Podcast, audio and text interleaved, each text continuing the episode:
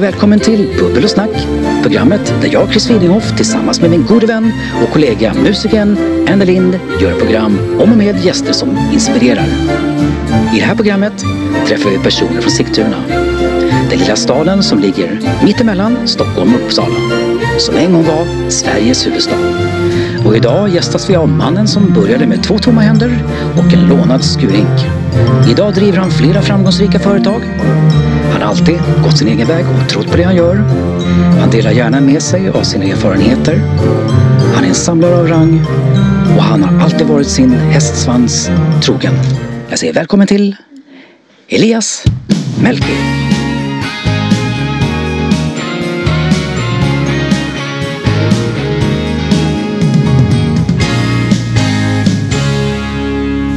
Tjena Elias, Tjena, tjena. välkommen. Tackar. Kul att ha dig här. Jag vet att vi, eh, när jag byggde den här studion för några år sedan så redan då pratade man om att vi skulle ses i studion och, och göra något. Men vi har faktiskt inte kommit dit eh, Nej. ännu. Så att det var dags. Annars känner ju du och jag varandra egentligen genom min bror. Ni gick i skolan, jag tror det var högstadiet kanske? Tillsammans. Lågstadiet. Lågstadiet till och med. Ja. Och därigenom har jag haft möjlighet att följa dig eh, i ditt vuxna liv och i Ja. ditt företagande. Eh, om jag minns rätt så började du eh, med en liten städfirma, Städab. Stämmer bra. Kan ha varit på någon av konferensanläggningarna i Sigtuna ni började som bland de första kunderna. Kan Ja. Ja, ser. och sen växte det där. Eh, och då tänker jag så här, hur gammal var du då när du startade den här verksamheten? 19 år. Du var 19, jag har för mig du var väldigt ung. Ja. Och varför vart det en, en städfirma? Säger man städfirma? Då säger Ja. man. ja. Varför blev det det? Jag har ju alltid haft lätt att få jobb. Jag har jobbat sedan jag var 12 år. Som 16-åring har jag i princip eh, tjänat mer pengar med min mamma och pappa gjorde tillsammans fast jag gick i skolan. Ehm, jag jobbade i en musikaffär och ehm, det fanns inte så mycket att göra där så att jag ville ju ta nästa steg. Så jag sökte tillfälligt ett städjobb ute på Arlanda och det var första gången jag varit nekad ett arbete. Jag var lite småtjurig så att samma dag bestämde jag mig för att starta en städfirma och visa att jag, jag kan också städa. Så det Det är inte där problemet är och det är, där, det är så det började. Fan, det är inte coolt ändå. Men, och, och du körde det där några år, men sen eh, hände flera saker. Du liksom, det växte och, och ni fick större uppdrag. Absolut. Vi har ju byggt upp det här företaget och omsatte som mest eh, en bra bit över 130 miljoner kronor. Och eh, förutom det så har det hunnit bli 32 olika företag som vi har byggt upp under de, under de här åren. Och idag har vi ungefär en 10 företag kvar i företagsgruppen och det är inom fyra verksamhetsområden. Jag vet ju att för eh, några år sedan, om jag minns rätt, så eh, vann ni också en stor upphandling om eh, städning av pendeltågen. Stämmer det. Har ni, det, har ni kvar det eller? Vi fick ju upphandlingen i en större skala när det handlades upp utav SL. Men eh, SL eh, valde att ge uppdraget till en annan aktör än det vi, sam- den vi samarbetade med och därav så avslutade vi det avtalet. Men vi jobbar ju lite grann åt den nya entreprenörer idag också. Var det den första eh, stora offentliga upphandling som ni var med? Hade ni gjort det tidigare? Nej, absolut inte. Utan vi har ju haft väldigt många stora offentliga upphandlingar. Det här var ett riktigt, riktigt megaavtal som i storleksordning var 11-12 år över tid då, och så var värdet eh, närmare 30 miljoner per år. Jag, jag tänker så här, eh, jag är en då som, som jobbar i, i musikbranschen. Eh, du ser mer ut som en rockare än vad vi gör och har alltid gjort. Med ditt långa hår och, sådär. Kanske mer förr än nu. Jo, men du är fortfarande hästsvansen och, och, och sådär. Eh, hur har det varit liksom att vara företag? För du har, du har ju stora verksamheter liksom. Och, eh, har du mött- några fördomar kring liksom, att ha hästsvans eller vara liksom lite rocker sådär? ja? Inte så mycket på senare tid, men i början så var det lite, folk tyckte att jag var lite lång, hade lite för långt hår och för många örhängen i öronen och klädde mig kanske inte som en företagare gjorde. Nej.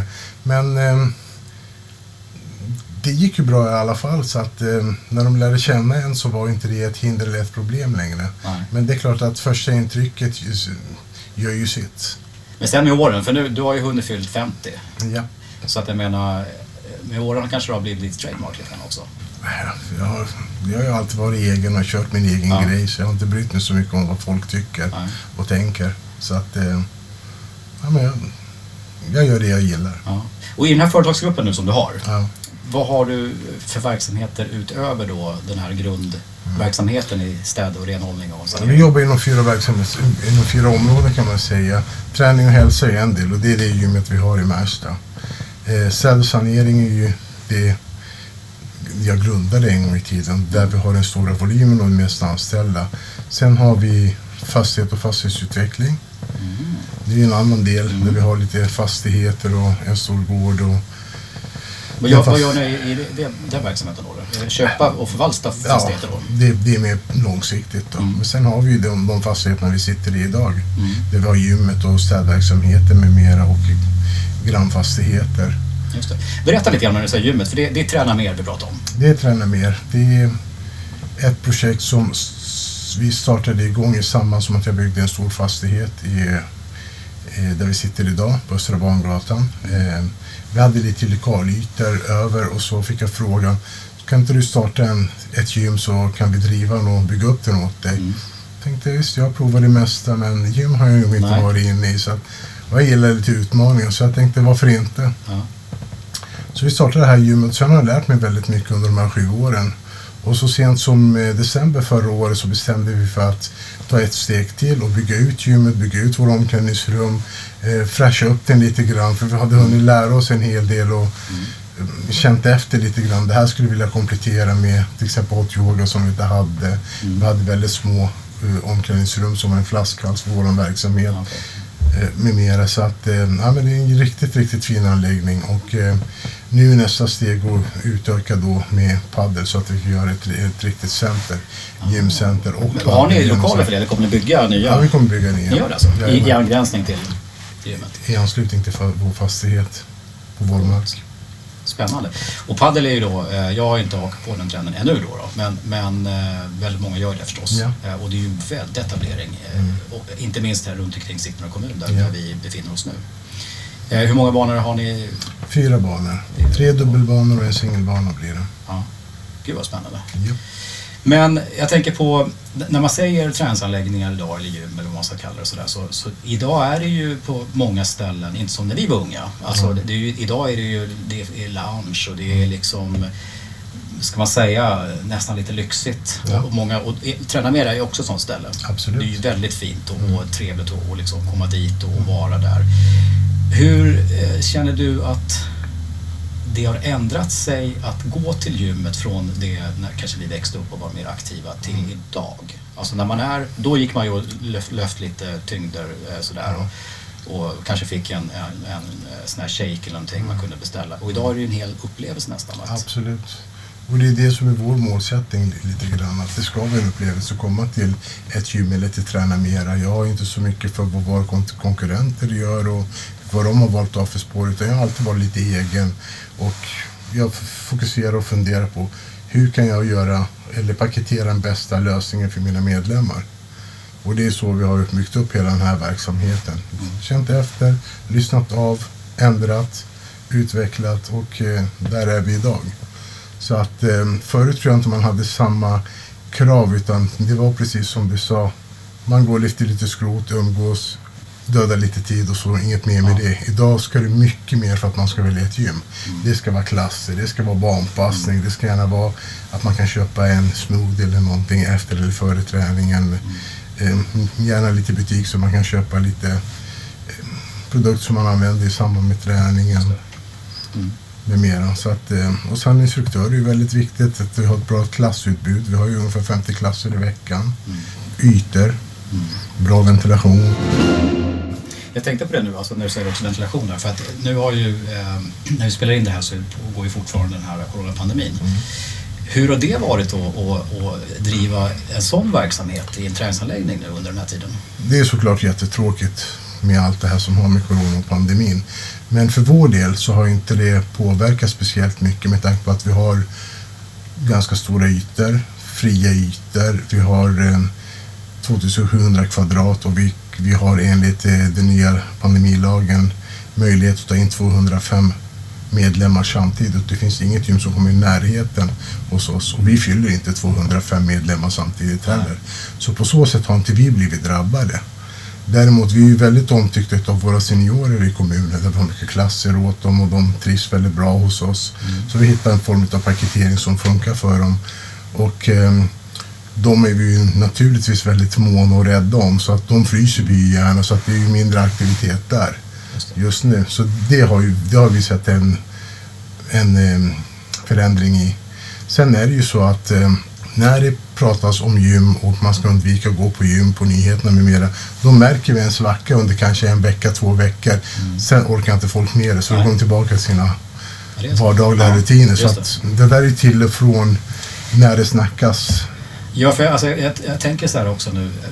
Barn och ungdomsidrotten är ju då i stora delar, framförallt juniorverksamheter, är ju, är ju eh, igenstängda eller vad man ska säga. Eh, så väldigt många ungdomar nu kan inte röra sig. Ja. Och då, då kanske gymmet också är ett ställe där man ändå behöver få röra sig för att må Absolut. bra. Liksom. Absolut. Eh, så. Jag tänker så här när, när du har ju byggt upp då de här verksamheterna som vi har pratat om och eh, du, din första städfirman där var ju för att du lite grann eh, ville visa dem att, att du kunde. Om du har ett råd, för du har ändå varit framgångsrik. Jag vet inte om du gått på några direkta miner som du kan berätta om sådär under utan jag rullar på ganska bra för dig. Om Visst du, har vi gjort våra misstag också och eh, felinvesteringar, men, men det är klart mm. vi har gjort det. Men om du tänker så här nu då att eh, någon lyssnare här, eh, någon yngre människa som kanske, som, när du en gång startade en verksamhet, eh, har du något, sån där, något konkret råd eh, till en sån person? Att liksom våga ta steget och, och satsa på det man, det man vill och tror på. Absolut. Jag brukar säga så här, har du en idé om vad du vill göra? Eller vad är det som driver dig? En del säger, vi vill tjäna pengar. Okej. En del säger, de pratar inte pengar överhuvudtaget. Och de tycker jag är mer intressant än de som vill tjäna pengar. För har du ingen idé, då kommer du aldrig kunna tjäna några pengar. Nej. De som bara fokuserar på pengar och inte har en idé, de kommer aldrig tjäna pengarna. Så där är ju väldigt, väldigt, väldigt viktigt vilken inriktning man har. Jag ägnar gärna ett par timmar och pratar med en ungdom som har en, ett, en idé och inte har några pengar eller någonting. Men det kommer att lösa sig. Jag vet att när jag började som 19-åring, jag lånade en dammsugare från mamma och en hink och en trasa. Samma dag fick jag ett jobb för 12 900, det kommer jag fortfarande ihåg. Fan, det är grymt. Jag hör det ungdomar, det är bara att ringa eh, Välkomna. Melke här, eller gå ner på Träna Mer och snacka.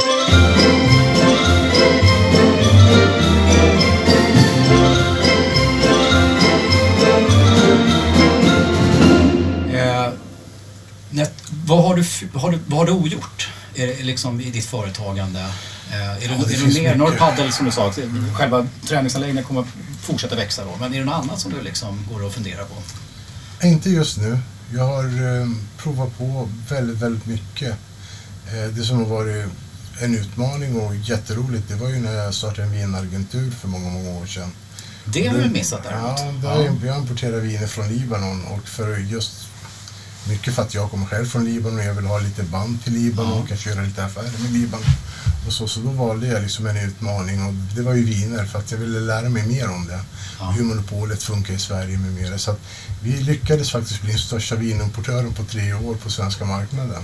Så det var jättespännande och kul men Ja. väldigt kostsamt Ja. att jobba med. Ja, okej. Nu börjar Andy, vår producent också, liksom vakna till där i kontrollrummet när vi pratar vin. nu är vi inne på rock'n'roll-kapitlet. Ja. Jaha, men, så det, men var det till Systembolaget också eller var det mer till Det var restauranger? Systembolaget, restauranger, Ja. kursgårdar, lite allt möjligt. Jag vet ju, du har ju eh, faktiskt eh, ganska mycket vänner som är i den branschen, alltså restaurangbranschen, eller hur? Ja. Eh, du behöver inte föra deras talan tänker jag, men eh, jag vet ju att tidigare om man följer det på sociala medier så, så när du är ute och, och på stan så, där, så är det mycket mat och mycket matbilder och, eh, och man kan se det i vimlet där kanske kring Stureplan och så vidare. Det är ju ingenting nu förstås. Eh, så. Eh, men de vänner som du har i den här branschen, eh, hur mår de med allt det här idag?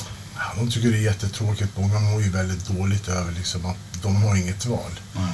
De får inte ta in gäster och under vardagar är det nästan inga gäster överhuvudtaget. På helgerna kan det komma lite gäster och då får de här kontrollerna där de känner sig stressade, hotade utav att nu kan de stänga stället eller Mm. dela ut böter och det är inga små böter. Nej. Och de går ju bokstavligen med måttband och måttar. Ja.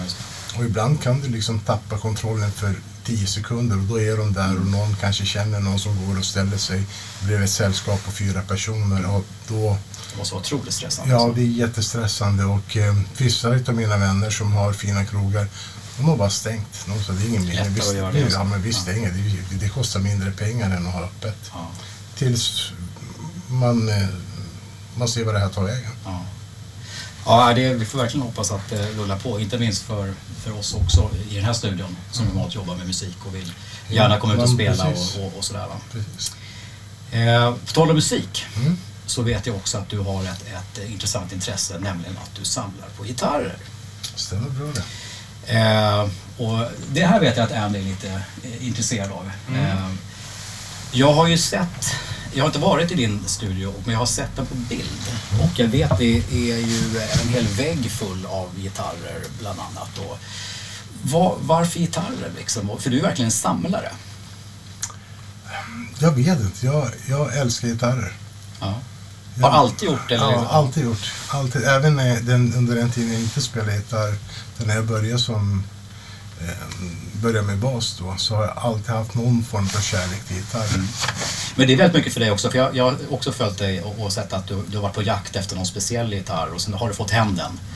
Och då är det nästan så att du liksom sitter och gosar med den i, i, i din eh, Ja, ja. gitarrportfölj. Ja, det är mycket utseendet också, är det så? Känslan, utseendet? Nej, det känns den, jag, har ju en relation till varje gitarr. Ja. När jag var i New York för några år sedan, då var jag inne i en musikaffär och så köpte jag en gitarr som jag har velat ha länge och det är ehm, B.B. Kings Lucille. Okej. Och den, den, jag hittade den där och just den färgen och liksom den modellen, ja, den, den är ju, alla vet ju som Ja. följer B.B. King Ja. eh, vad han har för gitarr och så. Så att, eh, ja, men den, den köpte jag ju då och fraktade hem. Så det är ju liksom en upplevelse i sig.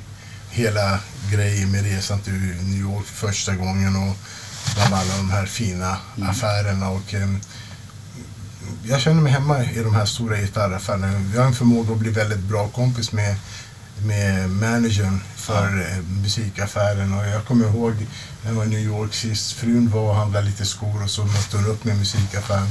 Och då satt jag och spelade på en gitarr som jag hade fått från kassaskåpet. En eh, Gibson Les Paul 56 för 2,5 miljon. Och frun kommer och undrar, men den där kan du inte köpa, den är så sliten och gammal. ja, du vet inte vad du pratar om. Så Men alltså, den känslan måste ju ha varit otrolig. Absolut, absolut. Precis, jag tänkte precis fråga också om, om du har någon sån här speciell favorittyp av gitarr? Är det liksom Gibsons eller? Jag, jag har ju, jag tror jag har lika mycket Gibson som jag har Fender Strata. Okej, så ja. att, eh, ja, det är de två modellerna som jag gillar. Sen gillar jag Kramer. Jag har en speciell som jag har eh, låtit bygga, Mm. bygga upp då för mig. Den gitarren eh, har jag fastnat för redan på 80-talet. För Richie Sambora i Bon Jovi hade en sån gitarr som jag tyckte riktigt, riktigt läcker gitarr. Mm. Så någon dag ska jag köpa en sån gitarr, men jag har inte hittat dem. Så till slut hittade jag en eh, gitarrmakare i Las Vegas som gör Eddie Van Halens gitarrer och många kända gitarrer. Dockens gitarrist gör sina gitarrer där. Queens gitarrist, den här ikongitarren gör han också. Och eh, då kontaktade jag dem och så frågade jag om kan ni bygga den här gitarren med de här specifikationerna. Absolut. Så ett år senare och massa, massa, massa pengar mer så levererade de den gitarren jag ville ha. Coolt alltså. Så det finns två sådana gitarrer. En har, hade Richie, jag tror inte han har kvar en, och en har jag. Coolt alltså. Mm. Vi har ju vet, du, hört lite om ditt rum, men eh, hur, liksom, hur, hur vet du hur många vet du, guror har du? Har du räknat? en 60-tal. 60? Är det så pass många alltså? Nej. Jäklar. Ja. Så alla gitarrsamlare ut, då vet ni. Det är bara att starta eh, ett gym eller en städfirma så kan ni samla gitarrer.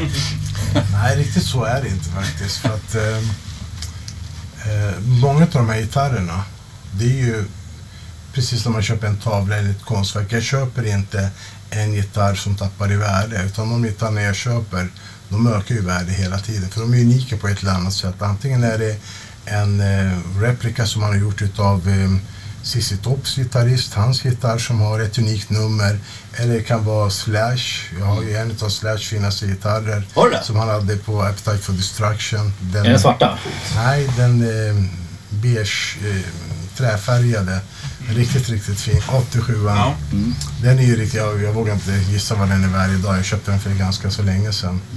Jag har... ehm, ja, ni, ni, jag ser inte så mycket, ni får komma och titta. Jag tänkte säga, vi kanske får lägga en, en, en podd längre fram här hemma hos dig så, Ja, så kör vi ett specialavsnitt med, med, med, om, Absolut. med och om gitarrer.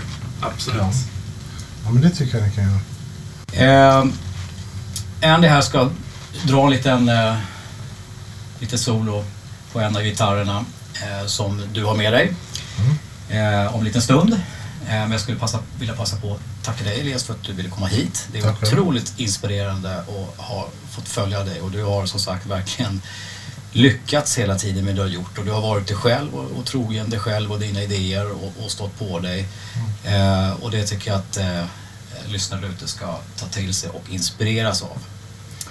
Nästa avsnitt då kommer vi träffa Eva Wikland som är hotelldirektör på Hotell Kristina och som fick eh, ta över det uppdraget precis när coronapandemin slog till. Vi ska prata med henne om det eh, och om hennes ganska roliga intressen, fritidsintressen som eh, handlar om vapen, blod och våld. Kan man säga om vi är rätt informerade. Det ska bli spännande. Tack eh, Elias att du kom hit. Tack. Eh, varsågod Andy.